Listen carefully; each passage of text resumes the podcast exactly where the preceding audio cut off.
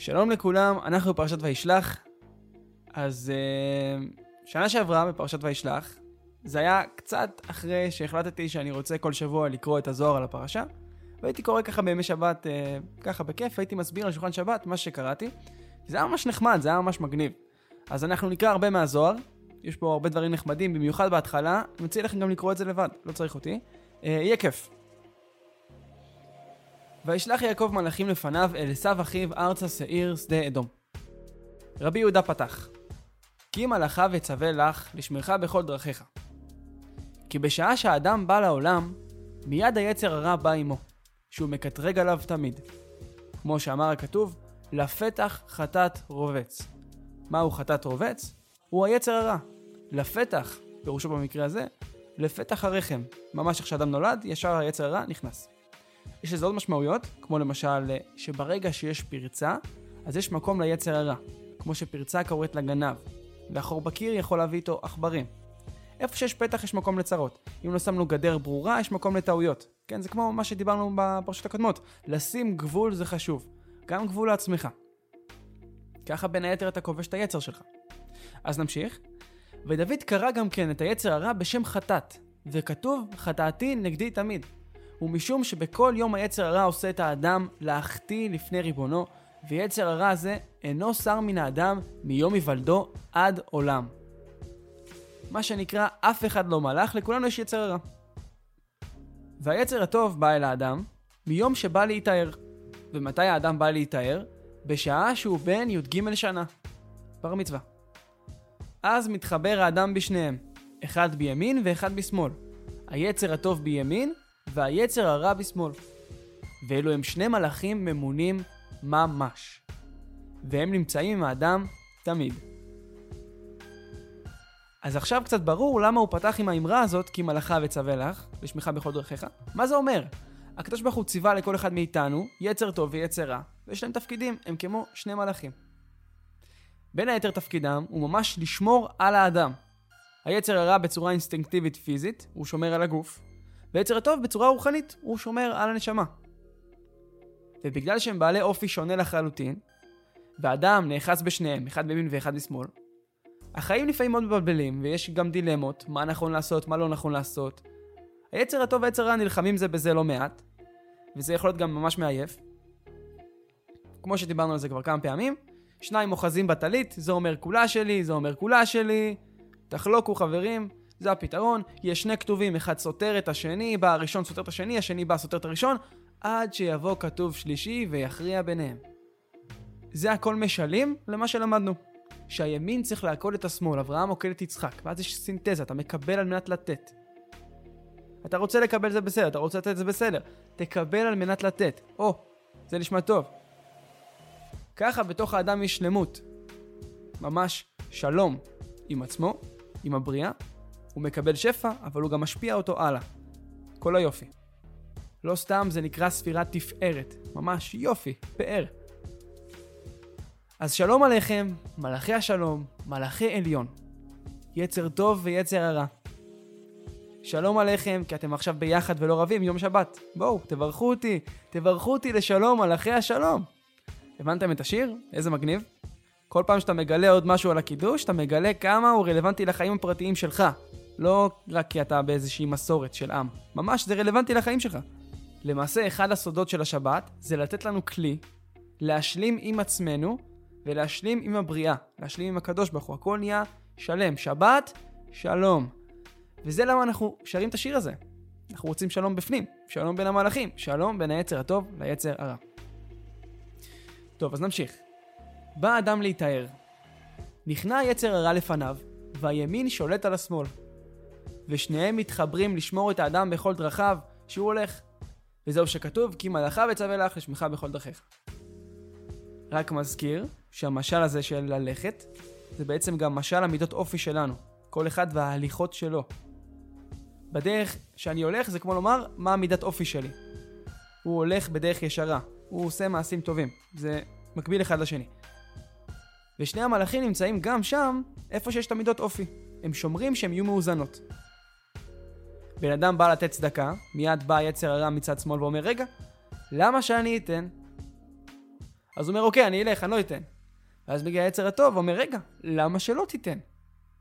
ממש שניהם עושים לך כזה ג' ג' מפה ומפה, והפתרון הוא להחליט מראש אה, שהם יחלוקו, לשפוט בינם, להעמיד איזשהו שופט שיעשה מאזני צדק בין שני צדדים. לאזן את הדברים ולהחליט מה תעשה בכל סיטואציה. ככה אתה ממש חי את החיים בלי דילמות. אתה פוגש דילמה, סגרת אותה, משהו טוב, יאללה, זורם איתה. אם אתה רואה שזה לא טוב אחר כך, תשנה את זה, אבל תסתגר על משהו, שיהיה לך קל יותר. אז הסתובבנו בירושלים, וחברה שלי אמרה לי כזה, הכנתי מראש כסף קטן, כי בירושלים יש הרבה אנשים שמבקשים צדקה ברחוב. אז כל הפושט יד לצדקה, אני אתן לו ככה וככה. ואז ממש לאורך הדרך אנחנו עוברים ליד מישהו שמבקש, והופ, ישר מוציאה סכום שהחליטה מראש ושמה, אין כאן אפילו דילמה. זה רק משמח אותה. הופ, באתי, עשיתי, עשיתי פה, עשיתי שם, עשיתי פה. התכוונתי לשם מלכתחילה. יש כאן ממש שלום, כאילו היא לא הרגישה שהיא לא עושה חסד, והיא לא הרגישה שהיא נותנת יותר מדי. ממש זה מגיע מתוך איזשהו מקום ברור. וככה זה איזשהו איזון בין היצר הטוב ליצר רע, יש פה איזשהו מקום שלם. אצלי זה ממש לא ככה. אני רואה בן אדם שמבקש צדקה, אני בוחן אותו כאילו אני לא יודע מה. איזה טיפוס זה, מה הוא יעשה עם הכסף, אולי עדיף לקנות לו משהו לאכול, יש לי כוח לקנות לו משהו לאכול. אז היו מקרים מעולם שבאמת קרה משהו כזה, חלק היו דברים נעימים, והיו גם מקרים שמישהו בא אליי ואמרתי לו, לך מכאן. כאילו אני ממש אה, פר סיטואציה, אולי קצת מוגזם, אבל uh, זה מצחיק אותי איך אני אוכל תסביכים. והיא פשוט uh, באה עם הגדרה פשוטה, וזה היה ממש קל, ושימח אותה. שימח גם אחרים, אני מניח לעצמי. כל הפושט יד, זהו, זה, זאת ההגדרה. מי שבאמת מבקש, תן לו. לא מורכב, בכלל לא מורכב. ואז מצאתי את עצמי, ברכבת הקלה בירושלים, נותן צדקה למישהי שביקשה, והיא הכי לא נראתה צריכה את זה. באמת, היא אחרונה שנראתה צריכה את זה, היא סתם נראתה קצת משוגעת. אבל אמרתי לעצמי, יאללה, כל הפושט יד לצדקה, יאללה, זורם, נו. הבאתי לה שתי שקל. מי ישמע, כמה זה שתי שקל? ואז היא הלכה, ואני אמרתי, וואלה, יש פה איזשהו שינוי שחל בתוכי כבר, איזה יופי. ואז אומרת לי מישהי מבוגרת ברכבת, אתה יודע שהיא ערבייה, כן?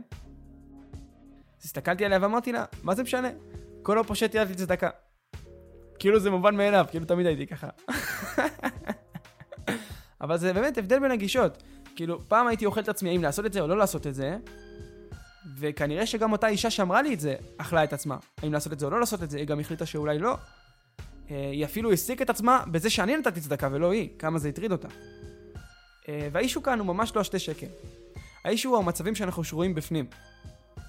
אם אנחנו באיזו מלחמה, אם אנחנו בשלום עם עצמנו, בשלום עם העולם, אם אנחנו באמת שלמים, זה, זה בעצם כל הסיפור. הסיטואציה שקרתה בחוץ היא רק איזושהי חוויה שאתה אמור לחוות, כדי שאתה תעשה איזשהו תיקון. תמיד, כל מה שאתה חווה זה מה שאתה צריך לחוות. וכל העניין, שוב, זה שאנחנו נהיה שלמים עם מי שאנחנו ומה שאנחנו עושים, נהיה שלמים במידות שלנו, וזה ככה ממש מתחבר למה שדיברנו בפרשות קודמות. כל העניין הזה. אז אחד השמות למצב הזה, שאדם נמצא בשלום, נקרא אמת. כי אמת באה לידי ביטוי בכל הרבדים, היא שלמה. מה שנקרא, תיתן אמת ליעקב. וגם יעקב אומר, קטונתי מכל החסדים ומכל האמת. יש כאן גם הרבה חסד, אבל גם איזון. כי במקלי עברתי את הירדן, ועתה הייתי לשני מחנות. שוב פעם, שני מחנות, ימין ושמאל. יש פה ממש איזונים ושילובים. זוהר פירוש הסולם, סעיף י"א. ולמה כתוב לי שני מחנות? ולהורות שהיה שלם מכל הבחינות, מבית חלקים, שהם לבן ואדום, ימין ושמאל. ועל כן אומר, שני מחנות. טוב, אז בפרשה אנחנו מדברים על המפגש בין יעקב לעשו. זה מתחיל בזה שיעקב שולח מלאכים לעשו. מלאכים ממש. גם שליחים, אבל גם מלאכים. הוא רוצה להיפגש ולפתור את הבעיות שיש בינם. עוד בזמן שיצחק חי, ככה זו הזדמנות לפתור את הדברים, כי ככה הסיכוי שעשו יהרוג אותו קטן, כי סך הכל עשו קיבל את יצחק. אז עוד רגע נראה איך הכל מתחבר בין כל הסיפור הזה. אז יעקב שולח מלאכים, הוא מתכונן, הוא שולח שליחים עם מתנות, בשווי עצום, והוא גם אומר להם להגיד דברים שהם איזושהי רמיזה. כל מיני איומים כאלה קטנים. עם לבן גרתי ויהי לי שור וחמור וצאן ועבד ושפחה. כאילו זה מרגש שלמישהו בעולם העתיק יש חמור. בסדר, חמור, אחי. יש לי שור וחמור, או-או. אלא שמה שנאמר כאן, זה שגרתי עם לבן, מכשף המכשפים. אז כנראה שאני גם יודע משהו, נכון? יש לי גם כן שור וחמור וצאן ועבד ושפחה, שאלו בעצם מילות קוד לכישוף, קליפות, whatever, טומאה. לא רלוונטי, לא צריך להתעסק בזה, אבל זה בעצם מה שהדברים האלה. אז יעקב עושה הכל כדי להתכונן לאירוע הזה. כמו שרש"י אומר, התקין עצמו לשלושה דברים, לדורון, לתפילה ומלחמה. הוא נותן מתנה, הוא מתפלל על זה, והוא גם בא, בא תקיף. כפרה יש לי שור וחמור, תיזהר. אני הייתי מחלק את זה קצת יותר פשוט. אפשר לומר, לדעתי, שהוא בא עם חסד נותן מתנה, הוא בא עם קו שמאל מראה שהוא מסוכן, ובא עם קו אמצעי בתפילה כזה עם הלב. אתה בא עם הכל, אתה בא עם כולך. יש לך משהו, יש לך משהו קשה, תבוא עם כולך, תשלח מלאכים, תתכוון. אולי אנחנו לא שולחים מלאכים פיזית, מלאכים ממש, אבל כן אנחנו שולחים כוונות, כן אפשר להתפלל על זה, כן אפשר להתכוון לזה, ובסופו של דבר זה מגיע יותר טוב, מוצאים מזה את כל הטוב שאפשר להוציא מזה, וזה גם מה שיעקב עושה, הוא מוציא את כל הטוב שאפשר להוציא. זוהר פירוש הסולם סעיף ט"ז רבי שמעון פתח ואמר טוב נקלה ועבד לא, ממתכבד וחסר לחם. מקרא זה על היצר הרע נאמר, משום שהוא מקטרג תמיד על בני אדם. והיצר הרע מגביה ליבו ורצונו של האדם בגאווה, והאדם הולך אחריו, מסלסל בשערו ובראשו, עד שיצר הרע מתגרה עליו ומושך אותו לגיהנם. כמו לדוגמה, כמו שרש"י מפרש את הפסוק הזה, טוב נקלה בעיניו. עדיף להיות אחד שרואה את עצמו בקטן, מאשר מישהו שרואה את עצמו כמתכבד, ואומר, אה, מה אני אעבוד במלאכה הזאת? אני בן אדם גדול, אני לא צריך לעבוד קשה, בטח שלא בעבודה כזו פשוטה, ואז בסוף הוא נשאר חסר לחם.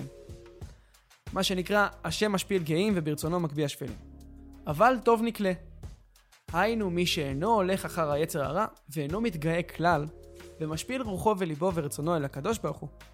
אז, היצר הרע מתהפך להיות עבד לו, שאינו יכול לשלוט עליו. אז יש בעצם נקלה ועבד לו, כלומר אחד שהוא רואה את עצמו כאדם פשוט, אבל הוא שולט ביצר הרע, והיצר הרע משועבד לו, ויש מתגאה שהוא חושב שהוא הכי בעולם, ובסוף הוא חסר לחם. שפירושו חסר לחם, לפי הקטע הזה, זה אמונה. כמו שאומרים, אין לחם אלא תורה, יש פה עוד כמה משלים ללחם.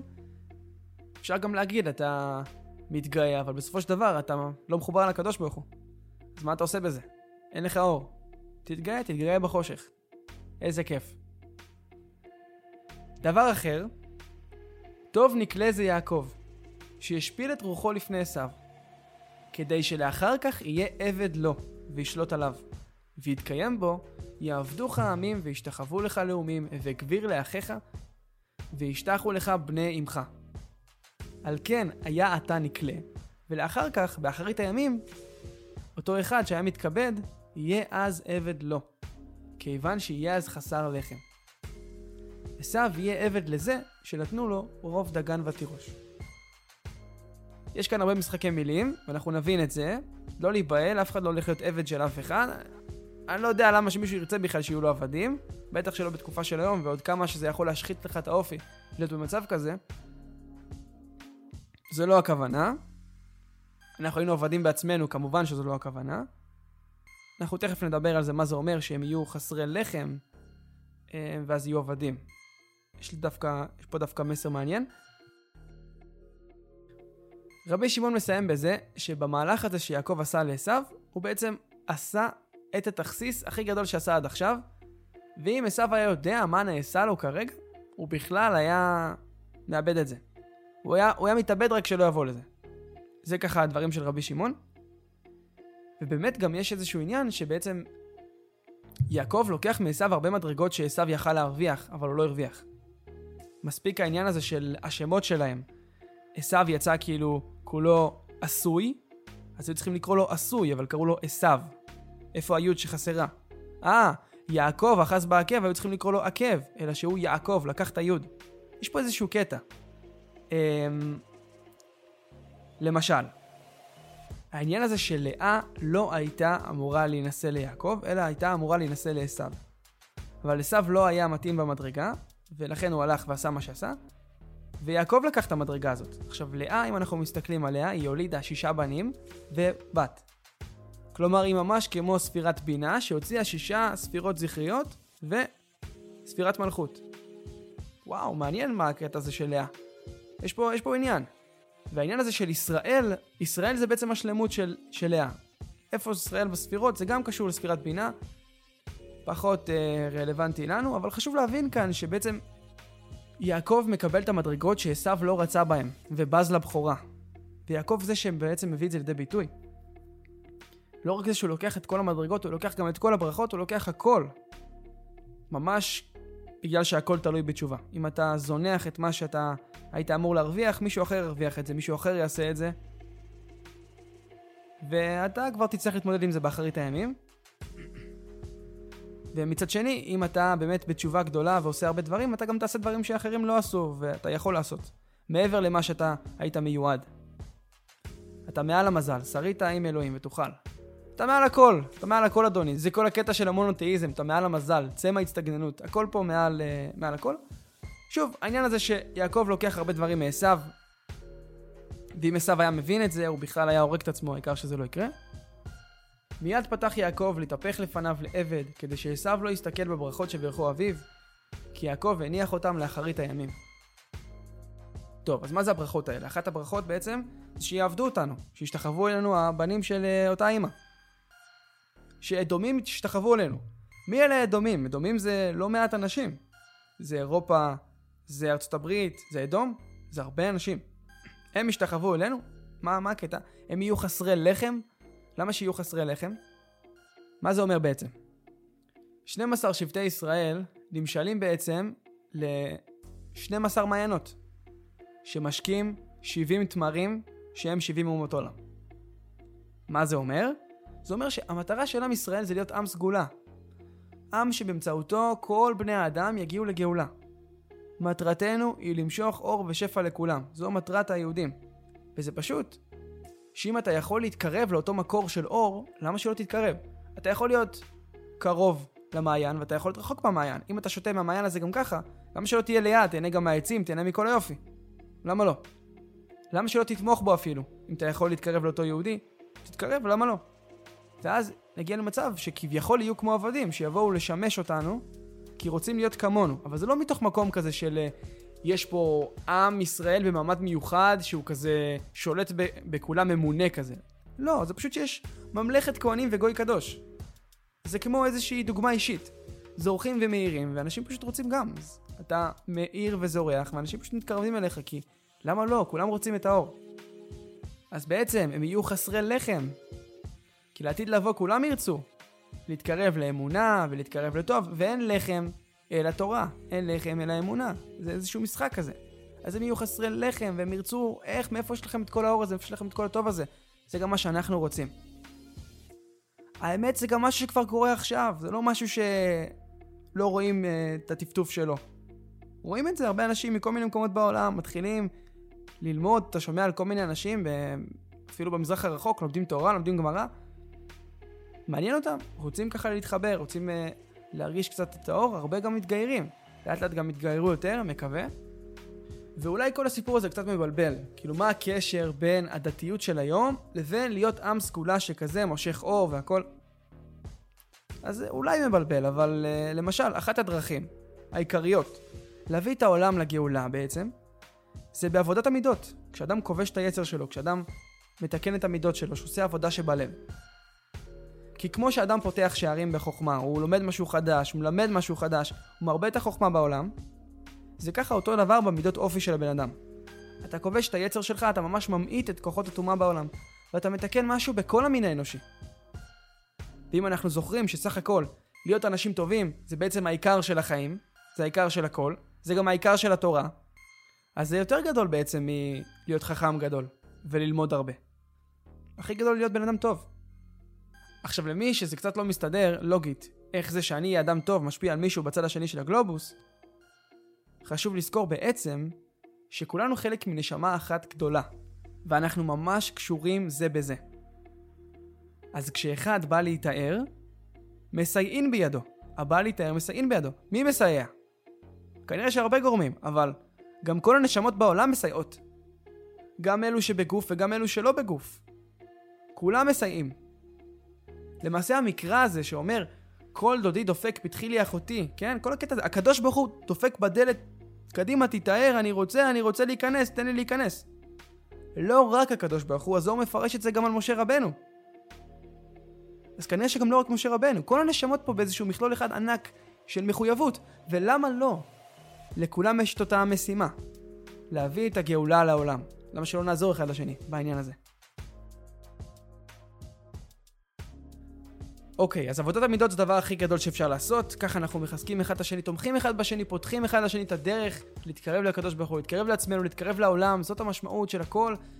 אז מהי העבודה שבלב? איך אנחנו עובדים על זה באמת? איך אנחנו עושים חלק שגם משפיע על אחרים? זוהי עבודה שהיא בלב, הווי אומר זאת תפילה. אז דווקא התפילה היא הכלי הכי חזק להביא את הגאולה. וזה אולי מסביר כמה דברים. למה מתפללים כל כך הרבה ביהדות? ומה המשמעות של התפילה בעצם? וגם את מה שאמר רבי נחמן. תעסוק תמיד רק בתפילה ותקרב את הגאולה. לא סתם יש הרבה תפילות. תיקון חצות, ברכות השחר, תפילין, שחרית, מנחה, ערבית. יש גם התבודדויות? לא חסר, לא חסר מה לעשות. אם אתם שואלים אותי, אז אני לא אגיד את זה לבן אדם, להפך, אני אגיד לבן אדם, לך תעבוד קשה. כי צריך גם לחיות. אי אפשר להתפלל כל היום. אלא שפשוט, הכי טוב, זה להפוך את החיים עצמם ואת העבודה עצמה לאיזשהי סוג של תפילה. ואז הכל מסתדר. אתה הרי יכול להתאמץ ולהגיד, אוף, אין לי כוח לעשות את זה. לא, אין לי כוח.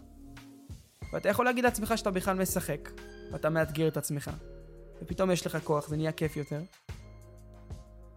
מעבר לזה, אתה גם יכול לכוון, זה נהיה אפילו חזק יותר. אתה מכוון שעכשיו כשאתה מתאמץ בעבודה הזאת, אתה מתאמץ כדי לעשות כל כך הרבה טוב עם זה אחר כך. וגם כדי לנצח את החלקים הרעים והבכיינים שבך, שלא בא להם לעבוד כל כך.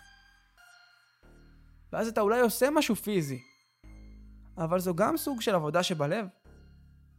זה פיזי, זה ללא מילים, אתה כביכול לא מזכיר פה את הקדוש ברוך הוא, אבל זה גם משהו עם כוונות וציפיות ותקוות לחיים טובים יותר. ומה זה בעצם תפילה אם לא זה? אז אם הצמחים שרים שירים לקדוש ברוך הוא, בעצם הקיום שלהם, גם אנחנו יכולים לשיר שירים בעצם הקיום שלנו. הקיום שלנו יכול להיות שירה. מעבר לזה, הקיום שלנו יכול להיות תפילה, העבודה שלנו יכולה להיות תפילה. אז בואו נעשה את זה ככה. למה לא? טוב, אז אנחנו כבר הרבה זמן. בואו נקנח בעוד דבר קטן. במפגש הזה בין יעקב לעשו יש קטע, שעשו אומר ליעקב, יש לי רב, יש לי הרבה, יש לי רב. תראו אותי, זה יופי. אבל יעקב אומר, ככה בין השורות, יש לי קול. יש לי קול, יש לי הכל. מה עוד אני צריך בכלל? וזה הבדל מהותי בתפיסות חיים בין אדם שמחפש גאווה ואת האהבה ולמלא את הכל ושיהיה לו רב, לבין ענווה והכרת הטוב, שיהיה לו פשוט את הכל. מה בן אדם כבר צריך? אז מישהי ממש חכמה אמרה לי לא מזמן, כל הטוב שבעולם נמצא מולך, אז מה אתה מבואס? והאמת היא שככה זה נגע בי ממש, ואני לוקח את זה ככלל החיים. נכון, אשכרה. כל הטוב שבעולם נמצא מולי. מאיפה האומץ שלי בכלל להיות מבואס? מאיפה האומץ? איפה היראה שלך, יא חוצפן? כל מה שהקדוש ברוך הוא עשה, עשה בשבילך, אדוני. כל העולם נברא בשבילך. מה אתה מתבאס? קום, תשיר, תרקוד, תשמח. הכל פה טוב מאוד. למה שתהיה עצוב? אתה חי בגן עדן. זו עבודה קשה לפעמים, אבל העבודה הכי טובה, העבודה הכי כיפית, וזו עבודה אמיתית. וזה משאיר חותם לא רק בך, אלא בכל המין האנושי. וכל מעשה קטן שאתה עושה בעניין הזה, בורא איזשהו מלאך. ועוד מעשה, ועוד מעשה, ועוד מעשה. וגם אתה, כמו יעקב, שולח מלאכים. מקווה שנהנתם, ונתראה בפרק הבא.